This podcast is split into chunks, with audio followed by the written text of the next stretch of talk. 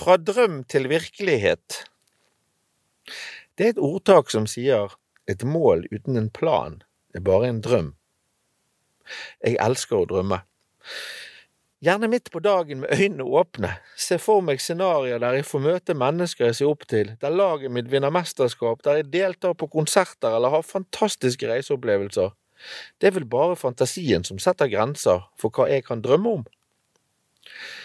Det finnes i min verden to typer drømmer.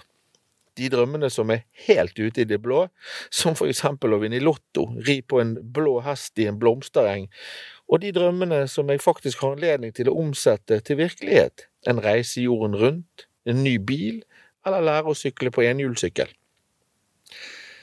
Å konvertere drømmer til mål er midt i blinken for hva skal til-formelen. Er det jeg drømmer om eh, mulig å realisere? Er det noe jeg egentlig vil realisere? Hva skal til for at det skal la seg realisere? Er jeg villig til å bruke tiden, energien og midlene som skal til for å realisere denne drømmen? Vi må altså lage en plan for å realisere drømmene, og så må vi holde oss til planen.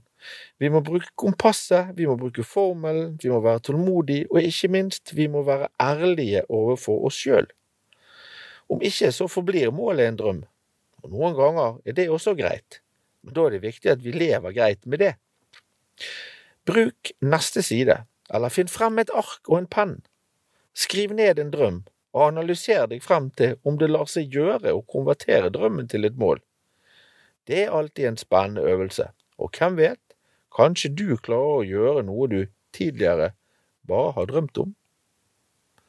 Skriv en liste Jeg drømmer om.